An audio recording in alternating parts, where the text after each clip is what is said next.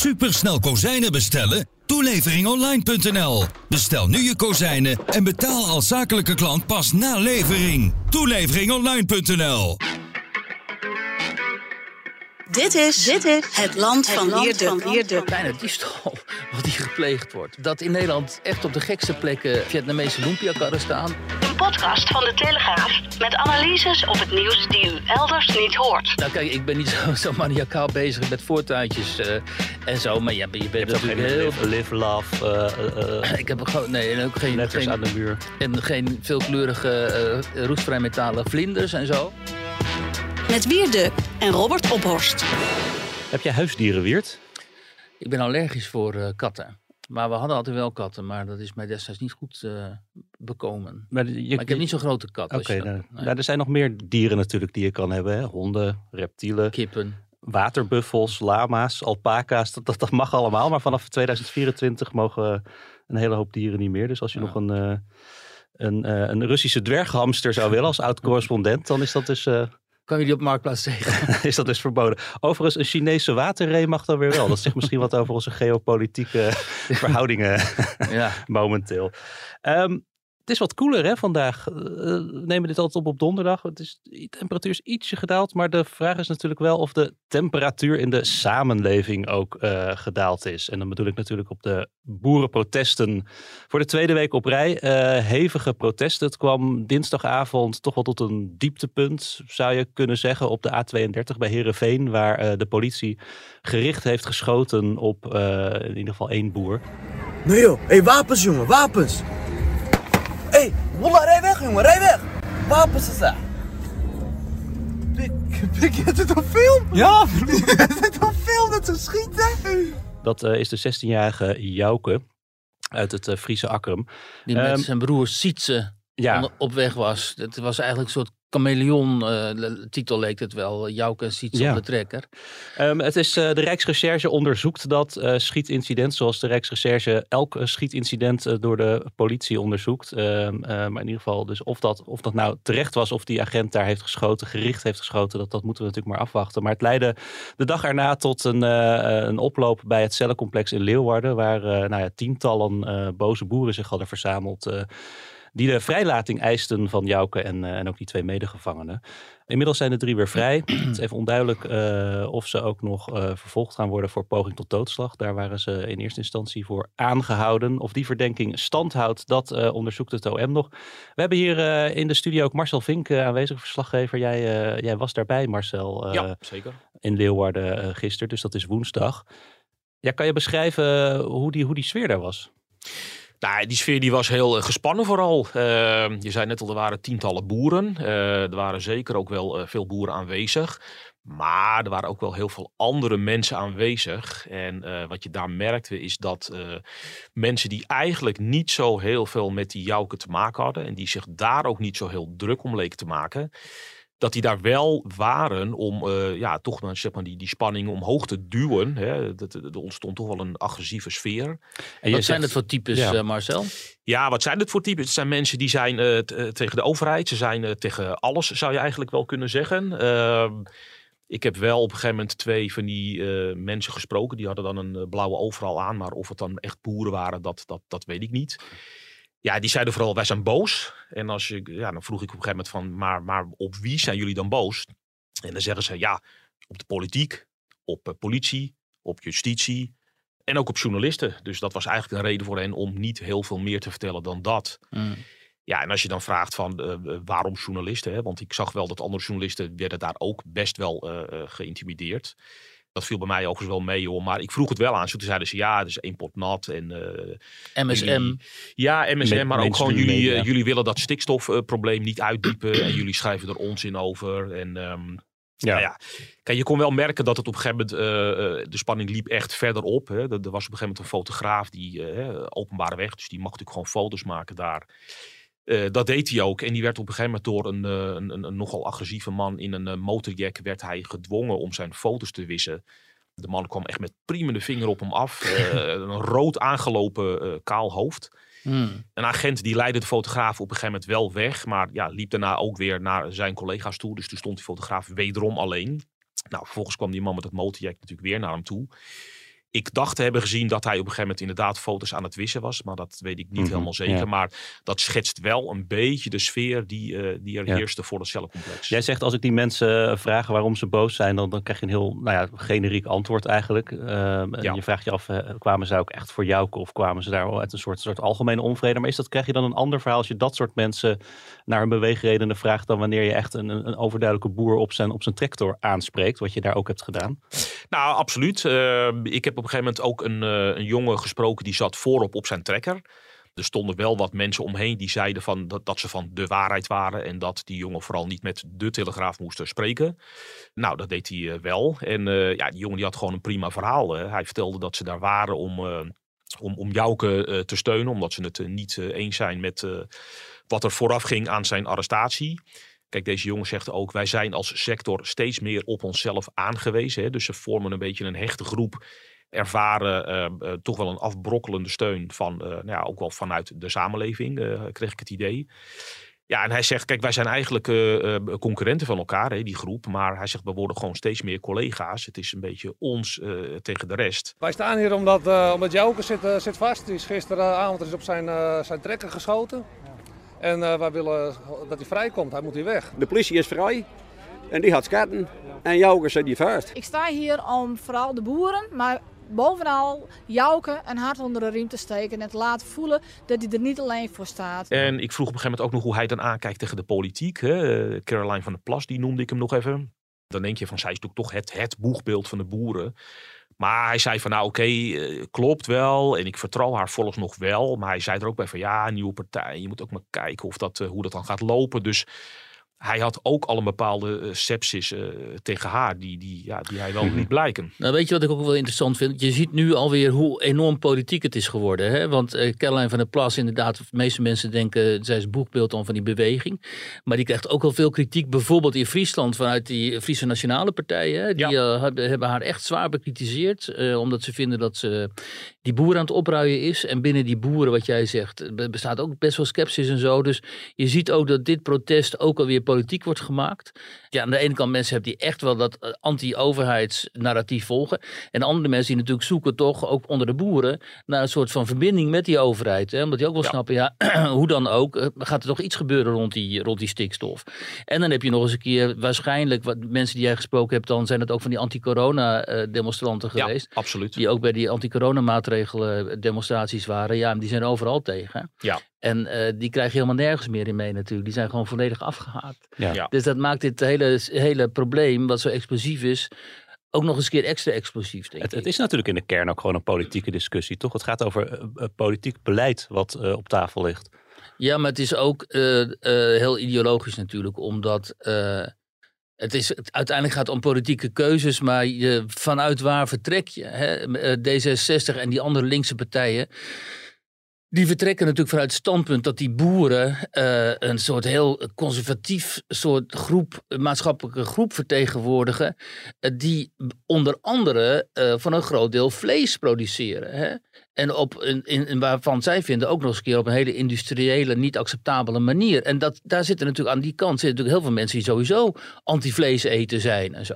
Dus die willen eigenlijk liefst gewoon van dit type boeren af. Hè, die, vinden, eh, die zijn daar moreel gewoon eh, op tegen. Dus die vinden, die stik, in stikstof vinden ze een aanleiding om sowieso al dit soort veeteelt, zeg maar, eh, op te ruimen. Daar komt het op neer. Terwijl aan de andere kant heb je natuurlijk gewoon het conservatieve deel van de, van de samenleving. Dat zegt, ja luister eens, die boeren, een deel daarvan is inderdaad niet zo fijn industrieel eh, Ja. bezig. Maar ze vertegenwoordigen wel de plattelandscultuur. En die plattelandscultuur, die een beetje conservatief is, maar die staat ook voor gemeenschapszin. Wat Marcel zegt, het elkaar helpen, een gemeenschap vormen en zo. En die moeten we niet doorbreken, omdat in die grote steden, in de Randstad en zo, hebben we al voldoende fragmentatie en atomisering, zoals het heet, van de samenleving. Als we nu ook eens een keer die, nog een keer die boerenverbanden gaan opbreken, dan valt de hele samenleving uit elkaar. Hè? Dus het zijn eigenlijk twee ideologische kampen ook wat die tegenover elkaar staan. En daarbinnen zie je dan al die krachten, zoals die Marcel nu beschrijft, die daar gewoon ter plekke, zeg maar, eh, on the ground aantreft.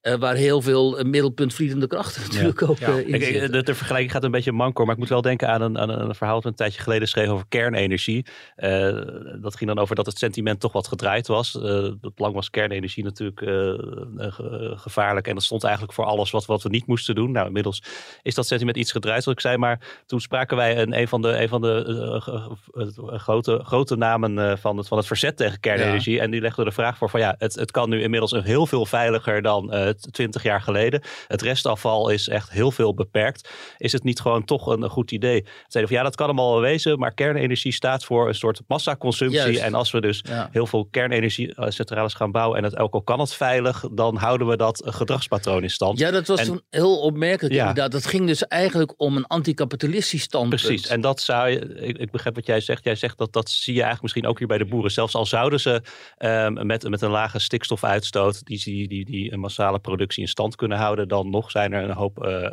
mensen, ook, ook D66-politici, die zeggen van ja, maar dat is een soort manier van leven die we eigenlijk ook gewoon Absoluut, niet meer het moeten gaat om een wereldbeeld en inderdaad een manier van leven. En wat ze wilden is gewoon dat, je hele, dat wij allemaal veganistisch gaan, eh, gaan eten en zo. Dat we helemaal geen vlees meer eten. En dit is een, een uitstekend dwangmiddel in hun ogen om dat, eh, om dat te realiseren. En heel veel van die boeren beseffen dat Ja. natuurlijk drommels goed. Heel veel van de gemiddelde Nederlanders overigens nog niet, heb ik de indruk. Maar zal jij, eh volgt het dossier natuurlijk ook al een tijdje. Het is niet dat je elke dag tussen die demonstranten staat, want je bent eh, algemeen verslaggever, maar toch, je hebt, je er wel kijk op, denk ik. Eh, verbaast het jou dat, even los van of de Rijksrecherche nou gaat concluderen of daar terecht is geschoten, maar verbaast het jou dat we nu in een fase zitten dat de politie zich kennelijk genoodzaakt ziet en zag om gericht te schieten? Ja, kijk, het is een beetje lastig om aan te geven. Eh, het lijkt een, eh, wel een, een, een buitenproportioneel middel te zijn geweest op dit moment. Maar meteen daaraan toevoegen dat het onderzoek dat natuurlijk wel duidelijk moet maken. Kijk, bij de politie zit natuurlijk ook in het nauw. Hè. Die zien natuurlijk ook dat die protesten toenemen. Eh, die weten ook niet helemaal goed hoe ze daarmee om moeten gaan. Je ziet dat eh, agenten, hè, dat was gisteren ook in Leeuwarden zo, dat ze eh, echt met die mensen praten. Dat er een hele ontspannen sfeer, eh, hè, dat, dat, dat, willen ze wel zo behouden. Doen ze echt hun best voor. Maar er zijn natuurlijk ook gewoon momenten dat het uit de hand loopt. En Ja. wat je gisteren wel merkte overigens, is dat... Kijk, op een gegeven moment is natuurlijk het nieuws binnengekomen dat er in Band, hè, in de- de Noordoostenpolder, ehm dat daar eh, grond eh, is aangekocht door de provincie. Hè, op een plek waar een boerderij zat. Die mensen zijn uitgekocht. Eh, dat had te maken met stikstofreductie. Eh, dat blijkt inmiddels door het COA te zijn opgekocht. En daar moet dan een tweede eh, aanmeldcentrum voor vluchtelingen komen. Hè? Dus, dus zeg maar een soort eh, tweede ter Apel. Er zijn er nog wel enkele volgens mij. Ja, en dat is natuurlijk ook iets wat op zo'n eh, bijeenkomst natuurlijk eh, eh, ja, zeg maar olie op het vuur is. Hè? Want Ja, want dan zegt men, zie je wel, we moeten plaats maken voor Asielzoekers. migranten, asielzoekers. Ja. Nou ja, dat klopt. En, en een aantal mensen die, die vertelden ook gisteren van eh, die, die hele stikstofplannen, die zijn dus gewoon een leugen. Want kijk, je ziet wat hier gebeurt. Eh, er moeten gewoon huizen worden gebouwd. hè. Dat is natuurlijk al eerder eh, gezegd. En er, moet, eh, er moeten, eh, hè, vluchtelingen moeten gehuisvest worden. Of die, die Ja. moeten we in ieder geval kunnen opvangen op Ja, een dat goede is manier. natuurlijk ook zo dat eh, het Ja. land voor een groot deel op slot zit, omdat Zeker. er geen eh, vergunningen afgegeven kunnen worden vanwege die te hoge stikstofuitstoot. Maar dat voedt het wantrouwen van die mensen natuurlijk nog veel meer. Hè? Mhm. Want die, ze, ze, ze, ze voelen Als zich er, gesterkt. letterlijk, tuurlijk, als er letterlijk op het terrein van een boer die is uitgekocht vanwege de stikstof een asielzoekerscentrum komt, ja, dan is één op één natuurlijk wel heel erg twee Ja. bij Ja. die mensen. En je gaat natuurlijk zien dat in de toekomst op dat soort terreinen eh, huizen gebouwd gaan worden eh, voor nieuwkomers. Ja. Hè? En, eh, maar als je dit zegt, ja, dan krijg je wel de hele meute eh, over je heen, want dat zijn complottheorieën. Dat heb je gedaan volgens mij ook. eh. Volgens mij heb ik dat op een gegeven moment inderdaad gesuggereerd. Ja. En, kreeg, en kreeg je de meute over je heen? een hele meute weer over me heen dat ik racist Ja. ben en zo. Terwijl het is natuurlijk overduidelijk dat het probleem, ook met die stikstof, vooral erin zit dat er gewoon veel te veel mensen op een kluitje zitten in Nederland. En hè, dat is dus gisteren ook nog eens een keer weer bevestigd, CBS meen ik, over, als we zo doorgaan, dat het binnen de kortste keren 18,5 of 19 miljoen. Nou, toen ik jong was, ik weet niet hoeveel er waren toen jullie jong waren, maar toen ik jong was, had Nederland 12 miljoen inwoners. Hè? Dus in mijn leven is dat al met ongeveer eh, eh, met 5 miljoen gewoon aangevuld. Dat is, dat is gewoon bizar. Dat kan helemaal niet op zo'n kleine delta. En we doen er helemaal niks aan. Er is geen bevolkingspolitiek. Je hoort het kabinet er niet over. En maar in plaats daarvan moeten we de boeren van hun land, want er moet ge- gebouwd worden. Het- Minister van der Wal heeft ook letterlijk bij ons in de krant gezegd. Hè? We moeten gewoon die hele stikstof, die boeren, dat moet nou opschieten, want we Ja. moeten ruimte krijgen om te bouwen. Zeker. Ja. Ja. Er komt natuurlijk wel een, eh, een, een staatscommissie eh, die de Ja. gevolgen gaat onderzoeken van eh, de bevolkingsgroei, schreef minister Van Gennep van Sociale Zaken deze week aan de Tweede Kamer. En er st- stond onder andere, en daar moest ik wel om lachen van, de regering kan op bevolkingsgroei inspelen, al dus Van Gennep, door bijvoorbeeld het beïnvloeden van het geboorte- en sterftecijfer of door een bewust actief en selectief migratiebeleid. De commissie gaat na de zomer starten. Nou, dat, dat klinkt lijkt me heel logisch en zinvol ook. Maar als je dan leest over aan knoppen draaien op het migratiebeleid. Wat volgens mij een heel goed idee is. Maar dat komt dan wel van diezelfde van Gennep die onlangs nog riep dat we Juist. maar wat eh, meer arbeidsmigranten uit Noord-Afrika moesten halen. Uit de Franse banlieues, die en, en, probleemjongeren. de, en, de, en de banlieues, ja, dat, eh, dat vooral. eh. Die gingen wij heropvoeden hier in Nederland, geloof ik. Ehm, wij kregen nog een, een mail, want we riepen natuurlijk in de vorige podcast nadrukkelijk op aan onze luisteraars om, om ook te reageren en vragen te sturen. Dus zit je te luisteren, heb je een vraag of een opmerking, dan zijn we er hartstikke blij mee. En dan kun je die sturen naar podcast.telegraaf.nl. Richard Hofmeijer die deed dat ook en dat gaat ook hierover. En die zegt, eh, heren, ik heb al een tijdje niet gereageerd, maar nu de spanning in het land, de politieke clash lijkt wereldwijd te gaan tussen progressieve globalisten en nationaal conservatieven. En hij verwijst ook naar eh, ehm, wat er in Canada toen gebeurde met dat truckersprotest, dat we hier ook eh, vaak eh, over hebben gehad. Hij zegt, eh, volgens mij is dit een globaal politiek proces. Ook wat we hier zien met die boeren. Nou, je zei dat net ook al even, Wiert. Eh, Hoe denk jij dat dat zit? Ja, dat denk, ik, dat denk ik zeker dat dat zo is. En de boeren zijn in dit geval, die, dat zijn nu even zeg maar de frontsoldaten van die oorlog die gaande is. Kijk, Douglas Murray, die Britse schrijver, heeft zijn boek geschreven, The War on the West. En daarin ehm, komen ook al dit soort problemen eh, aan de orde. Wat er gaande is, is ehm, een, een, zeg maar een grote groep wat conservatievere of traditioneler ingestelde burgers, die voelt zich eh, bedreigd door die globale elites, zoals dat, eh, zij, dat, zij dat dan zeggen, glo- globale progressieve elites, die staan, eh, het zijn de anywheres, het zijn de mensen, zo worden die genoemd, die eigenlijk overal thuis zijn. Die kun je net zo goed in Nederland dumpen als in eh, Engeland, als in Duitsland, als in Frankrijk, maakt niet uit. Die, dat is een soort elite van, ehm, eh, ehm, zeg maar, politici, zakenmensen, eh, mensen van denktanks, eh, de rijken, eh, noem maar op, veel reizende ondernemers en zo, die het enorm met elkaar getroffen hebben en die eigenlijk eenzelfde wereldbeeld uitdragen, namelijk open grenzen, meer eh, EU, meer arbeidsmigratie, ehm, eh, tegen de nazistaat, want dat is alleen maar een, hindernis voor hen om geld te verdienen en om hun uiteindelijke projecten, bijvoorbeeld de Europese eh, politieke eenwording en zo, te kunnen realiseren. En dat, gaat, dat is heel snel gegaan de afgelopen jaren, ook omdat de VVD, die ooit nog notabene Frits Bolkestein als leider had, eh, zich helemaal in dit, dit linkse D66-achtige discours daaraan heeft aangepast. Hè, ondanks af en toe wat gepruttel uit de marge, zoals van, van Dylan Gus of Bente Becker, die dan weer zeggen de grenzen moeten dicht en zo, en dan gebeurt er weer helemaal niks. En als ze dan zelf staatssecretaris of minister worden, dan, Precies. dan hoor je ze niet meer. Dan hoor je ze niet meer. En daartegenover staat een heel groot deel van de vooral autochtone bevolking. Die vindt dat dat veel te snel gaat allemaal. Die hechten aan zijn eigen gemeenschap, zijn eigen buurt, zijn eigen wijk, zijn dorp, zijn plattelandscultuur. Eh, en die zich heel enorm bedreigd voelt eh, door immigratie, maar ook door al dat soort visioenen, illusies over politieke, hè, de- een, een, een, een politieke eenwording van Europa. Hè. Ze hebben al gezien dat met de komst van de euro hun koopkracht enorm is ingestort. En nu zie je sowieso die euro, hè, wat dat allemaal met zich meebrengt. Je ziet die inflatie, die ook een rechtstreeks gevolg is van het feit dat wij zuidelijke landen op de been moeten houden, zo door het ECB-beleid. Dus die mensen die eh, worden geraakt door de politiek en door het beleid van deze groep die zij zien als elitisten. En de boeren raakt dit nu echt existentieel, omdat de boeren vanuit die gedachte plaats moeten maken. Gewoon hun eh, existenties moeten Ja. opgeven.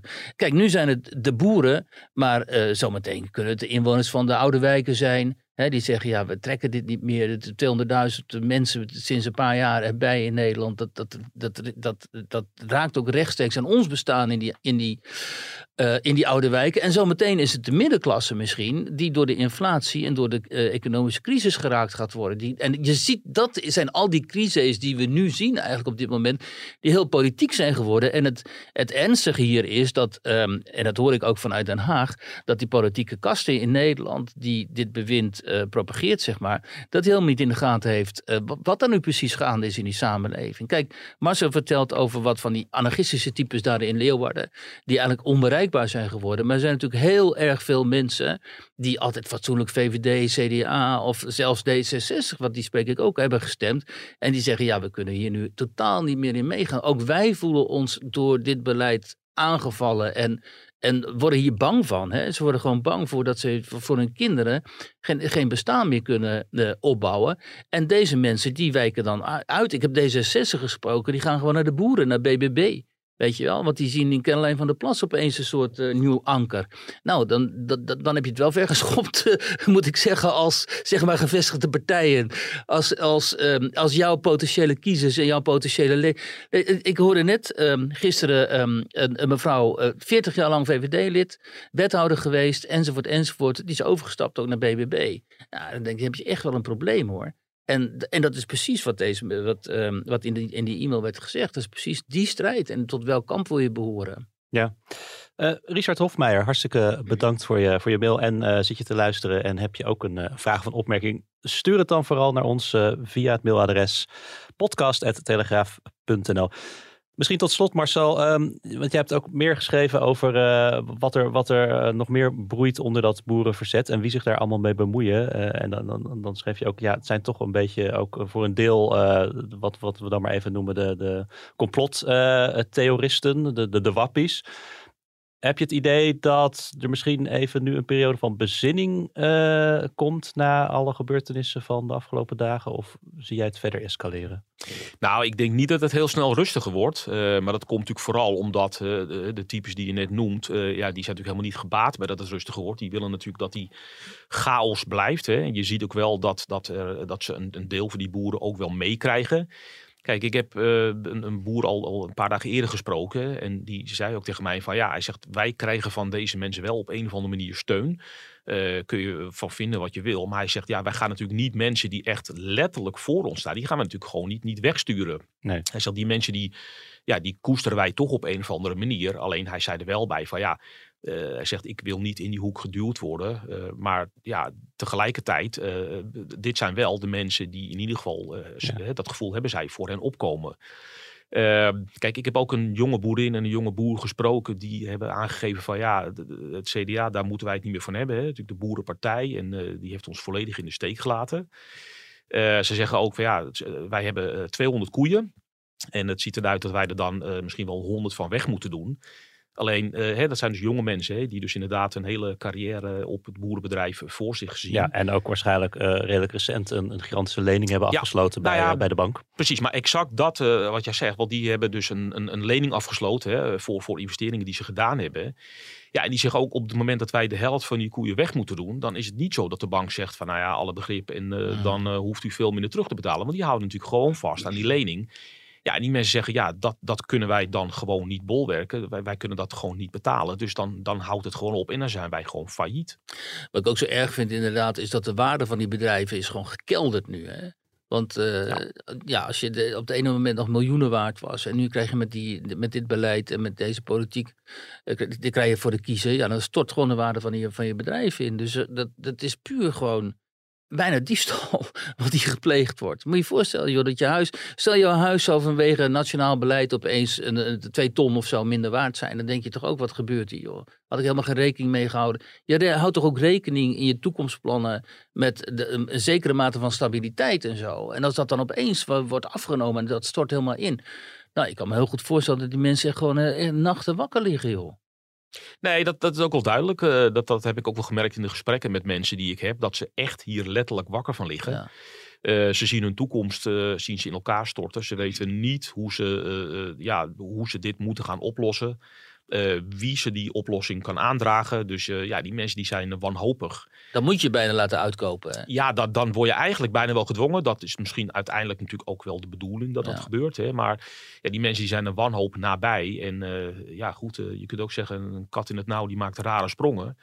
En dat is wel iets wat je de, de afgelopen dagen ziet. En wat volgens mij voorlopig wel zal aanhouden. Ja, boeren gaan ook niet meer vakantie, dus, of met reces. Dus die kunnen altijd weer op de trekker ergens naartoe rijden. De koeien Eh, moeten toch gemolken worden. Hè? Dat, eh, Ja, nou ja, ik denk dat een hele hoop, een hele hele, hele, koeien de afgelopen dagen niet gemolken zijn. Als ik zie waar, waar de boeren allemaal eh, staan te demonstreren. Ehm, Marcel, eh, hartstikke bedankt dat je even aanschoof. En eh, we, we blijven het volgen de Ja. komende tijd. Ja, dankjewel. Waar was Wiert? Ja, je bent natuurlijk eh, lang correspondent geweest in eh, Rusland en, en, en Duitsland. Als je dan weer terugkwam in Nederland. eh, wat, wat trof jou dan als typisch Nederlands? Nou, toch wel de enorme aangehaktheid eh, van dit land. En, en ehm, wat ik altijd ontzettend grappig heb gevonden, is dat Nederlanders van zichzelf denken dat ze heel erg individu- individualistisch zijn. Maar dat ze eh, in de kern zijn wij een heel collectivistisch land juist. We hebben allemaal dezelfde Phoenixwoning. We denken allemaal precies hetzelfde eigenlijk over heel veel dingen. Eh, als er eh, iets aan de hand is, iets groots bijvoorbeeld, zoals een, een, een Nederlands elftal dat goed presteert op een EK, VK, staat het hele land echt massaal achter. Hè, dan kijkt ook bijna iedereen naar die wedstrijden en zo. Dat is in andere landen helemaal niet zo. Bijvoorbeeld in Duitsland, wat toch een aantal keren bij het WK en EK voetbal als eerste is geëindigd en zo. Als je dan die kijkcijfers kijkt, ja, dat zijn niet al die, eh, ik meen 80 miljoen dat het er zijn Duitsers die daar dan naar kijken of zo. Hoor. Dat zijn de, de, de, de verhoudingen. dan, dan, dan halen ze hun schouders op als ze weer voor, voor de, voor de Nee, vierde dat keer eh, allemaal- wereldkampioen zijn Nou, geworden. Beetje zijn het wel gewend. Maar er is gewoon een heel groot deel van die samenleving die zich daar eigenlijk helemaal niet zo mee bezighoudt. En in Nederland zijn we heel erg gewend om met z'n allen iets te doen en te vinden. En ook de, hè, dat zie je ook aan die discussies in Nederland. Die gaan de hele meute, de hele samenleving heeft het dan over één ding. En dan gaan we vervolgens naar een ander ding en zo. En ondertussen vinden we allemaal dat we heel erg individualistisch zijn. Wat we dus gewoon helemaal niet zijn. Kan misschien ook heel moeilijk. Ja. Als je een soort stadstaat eh, aan de Noordzee eh, bent, dan zit je bovenop elkaar en zo. Iedereen bemoeit zich ook met elkaar, hè? ook in het debat en zo. Iedereen heeft overal eh, over elkaar een mening en probeert elkaar in het gareel te houden of te duwen. Of zegt van dat mag je niet zeggen en dat mag je niet zeggen en zo. En dus ehm, eh, het is eigenlijk een soort schoolplein. Ehm, Ja. Ja. Als je goed kijkt, inderdaad, dan eh, zie je in Nederland allerlei patronen. En eh, fotograaf eh, Jan Dirk van der Burg, eh, de, de onofficiële fotograaf des vaderlands, heeft... eh, ja, die heeft er eigenlijk zijn levenswerk van gemaakt om dat allemaal vast te leggen op film. Eh 1600 foto's van hem, die zijn nu te zien in het Nederlands Fotomuseum in Rotterdam in de tentoonstelling Typisch Nederland. Ehm, wat, wat zien we dan bijvoorbeeld? Nou, het ontzettend leuke aan die tentoonstelling is ehm, eh, dat Van der Burg allerlei patronen ontwaarde. Die heeft de afgelopen drie, vier jaar dus door Nederland gereden. Hè, van, van Winschoten naar Den Helder en nog verder. En die ontwaarde allemaal patronen en die heeft hij in seriefotografie eh, vastgelegd. Dus hij zag een aantal dingen, bijvoorbeeld dat krankzinnig veel mensen een Boeddha-beeldje bij hun huis hebben staan. Of dat echt heel erg veel mensen die letters home voor hun eh, raam hebben staan. Hè? Ofwel home dat je kunt lezen van buiten of home dat je kunt lezen va- van binnen. Dat in Nederland echt op de gekste plekken eh, Vietnamese lumpia-karren staan. Dat is al nergens ter wereld Ja. zo, want die bestaan elders helemaal niet. Maar in Nederland Daar ben ik ook een groot fan van, moet ik zeggen. Ja, hij- ik ga elke zaterdag met mijn zoontje de stad in om zo'n lumpia, van zo'n klein lumpiaatje Ja. te kopen voor hem. En het, het leuke effect is ook, en dat, dat zie je ook goed op die, op, op die pagina die jij erover had gemaakt in de krant, maar zeker ook op die tentoonstelling, eh, dat als je een aantal van die foto's naast elkaar zet van hetzelfde beeld, dan, dan ga je die patronen ook eh, zien. Ja, dat is dus het goede aan hem. Hè? Ook al die winkeltjes met mhm en zo. Dan heb je dus mobieltjes en zo, friet en zo, eh, kaas en zo. Weet je, dat, dat was mij nooit opgevallen. Maar er zijn dus hele ketens eigenlijk die gewoon achter hun naam eh, en zo eh, zetten. En eh, ja, wat jij zegt, dat werkt dus heel goed als je dat, daar dus een heel aantal van na elkaar zet. En eh, de curator Aya Moussa van het, eh, het Nederlands Fotomuseum in Rotterdam, die stond dus voor de, voor de nou ja, dilemma. Hoe ga ik dit nu eh, laten zien? Want als je één of twee van die foto's laat zien, ja, dat maakt geen indruk. Maar als je dus de hele meute laat zien, de hele collectie, dan krijg je dus dat gevoel van, hé, hey, ja, dat is wel heel erg opmerkelijk. En dat heeft hij op volgens mij een helemaal briljante manier heeft hij dat opgelost door eh, die aantal van die wanden in het fotomuseum eh, daar een groot aantal van de foto's te laten zien, maar in het midden van het museum heeft hij drie videoschermen neergezet. En daar worden al die foto's op geprojecteerd in een soort loop.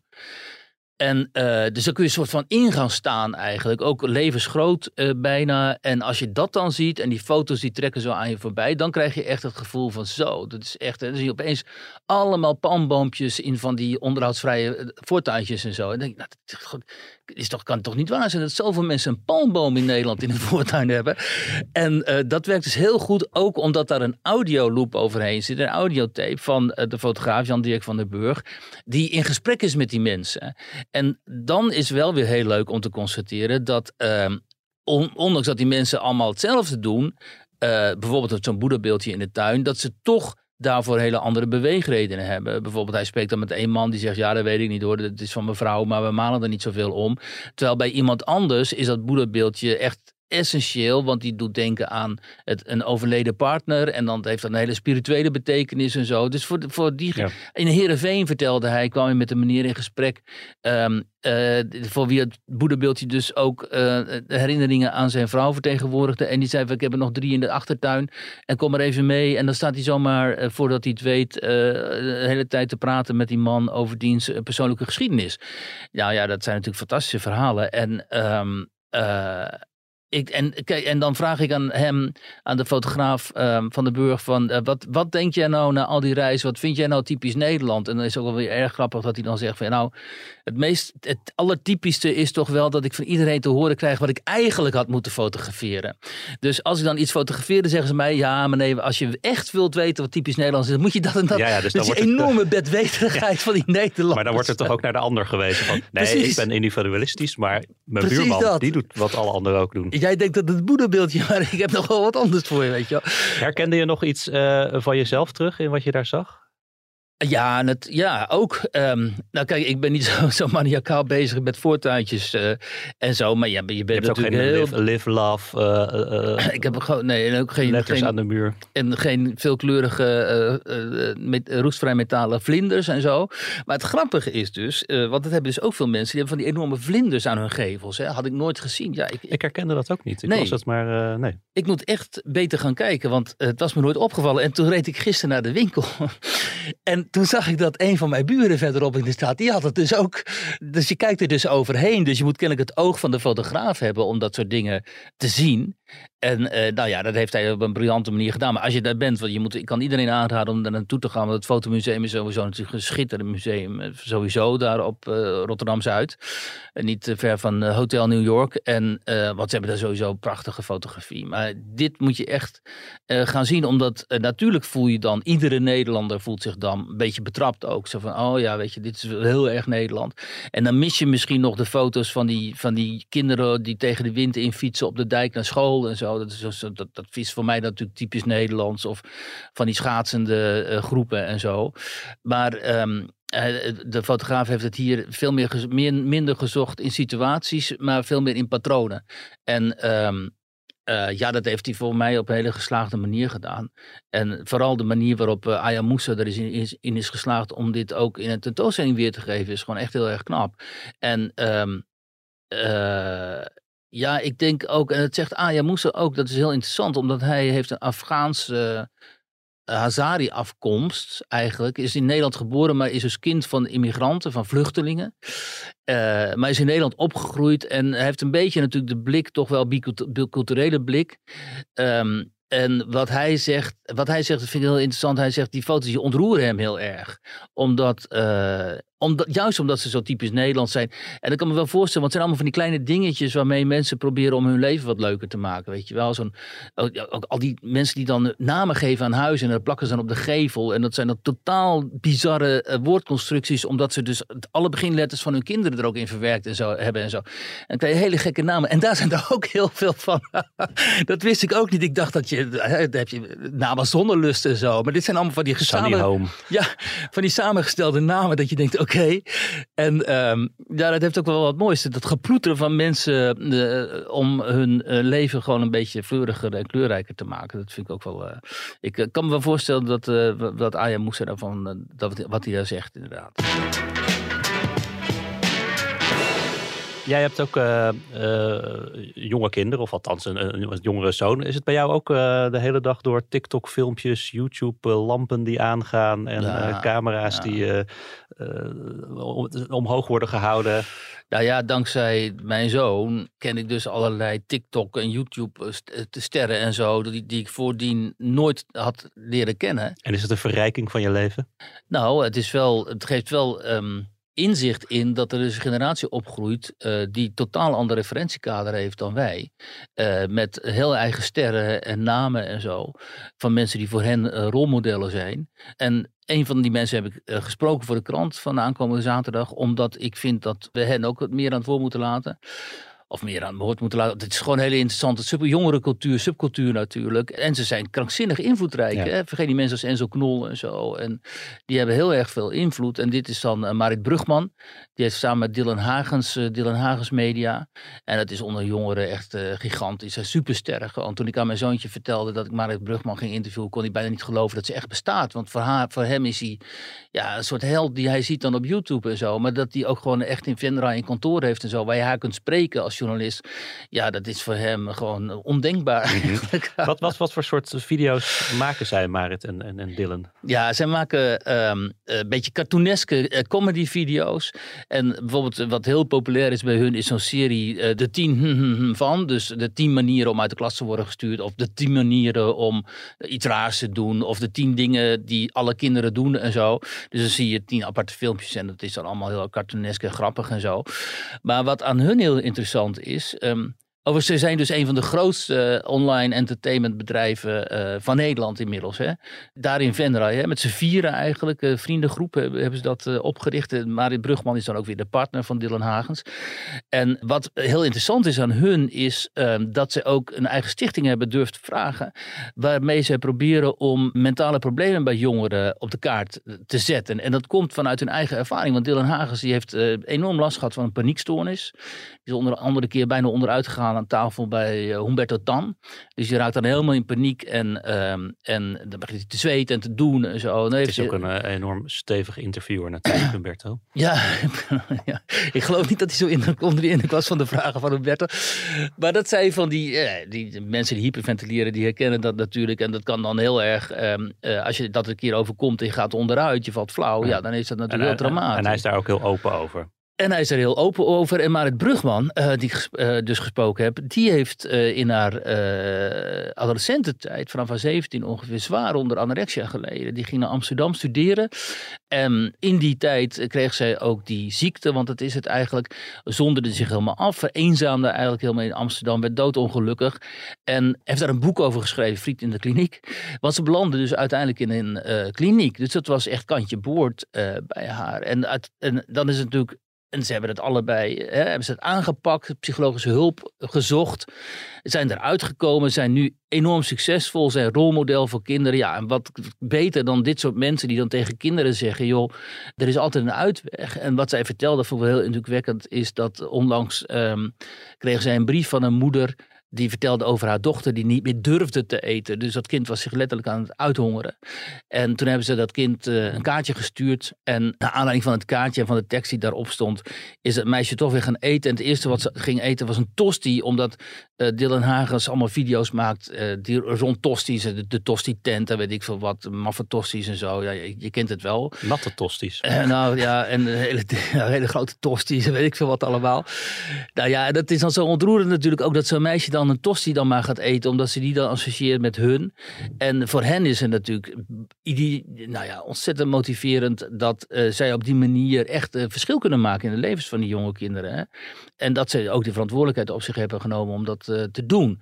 Kijk, op die manier kun je dus zo'n entertainmentbedrijf, eh, wat misschien wel voor een heel groot deel eh, is gebaseerd op gewoon puur lol maken en lollige video's maken. En zo kun je ook een hele belangrijke maatschappelijke functie Ja. geven. Nou, Marit, ik weet dat je heel erg bang bent voor spinnen en daarom heb ik iets voor je.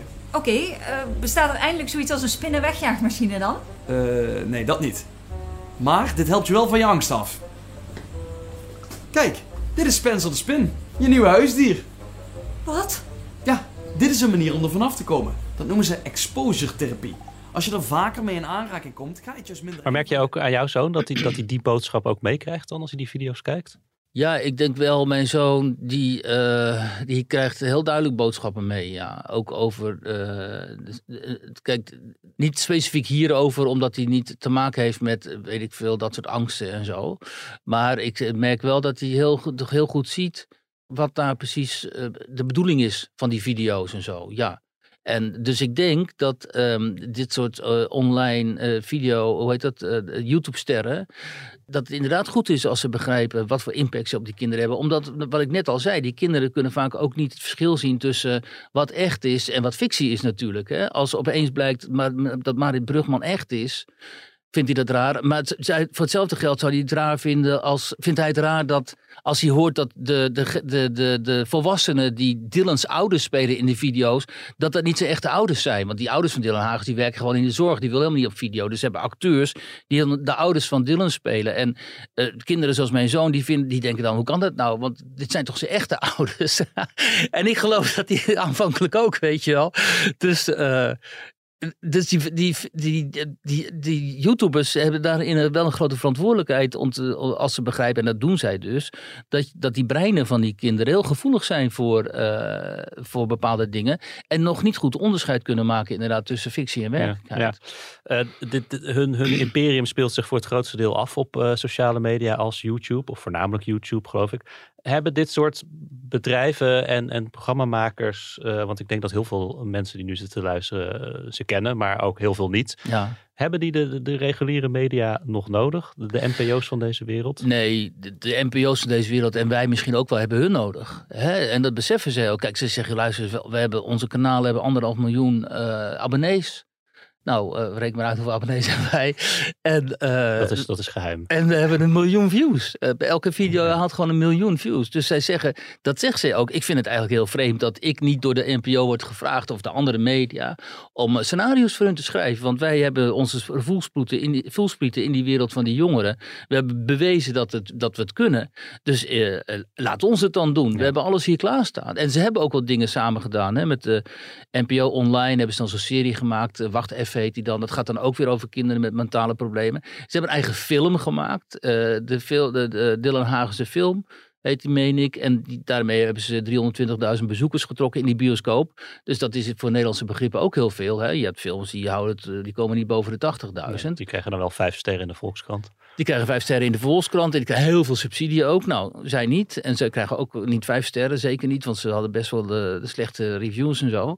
Eh, maar ik denk eh, dat het voor de oude media ontzettend belangrijk is juist om eh, samen te gaan werken. En, en dat het ook bijna wel moet. Ik, zou, ik kan me heel veel voorstellen bij dat je via hen bijvoorbeeld nieuws uitlegt aan kinderen en zo. Niet alleen via het jeugdjournaal, maar ook via dit soort eh, YouTube eh, die dan ja, je kunt je er al van alles mee voorstellen natuurlijk. En dat je zo'n hele proble- problematiek als stikstof of, of Oekraïne en zo, via hen naar een jonge generatie brengt. Ik weet niet of het te horen is voor de luisteraars, maar er wordt hier gigantisch met deuren geslagen om ons heen. Lijkt wel mensen, ik weet niet of het boven ons komt of naast ons. Ik hoop dat het niet eh en wat horen is. Maar misschien is het ook een teken dat we, moeten ermee dat stoppen. we, dat we moeten gaan afronden. We waren ook alweer bij stikstof uit, dus het cirkel is wat dat betreft ook weer rond. eh. Ja, dat verhaal eh, staat eh, eh, mogelijk zaterdag in de krant. Ons een klein beetje voorbehoud bij, bij de planning, bij dit soort dingen. Maar het interview heb je in ieder geval gehad. En, ja, interessante mensen, denk ik. Denk ik ook. Wiert, dankjewel en eh, tot de volgende. Dankjewel.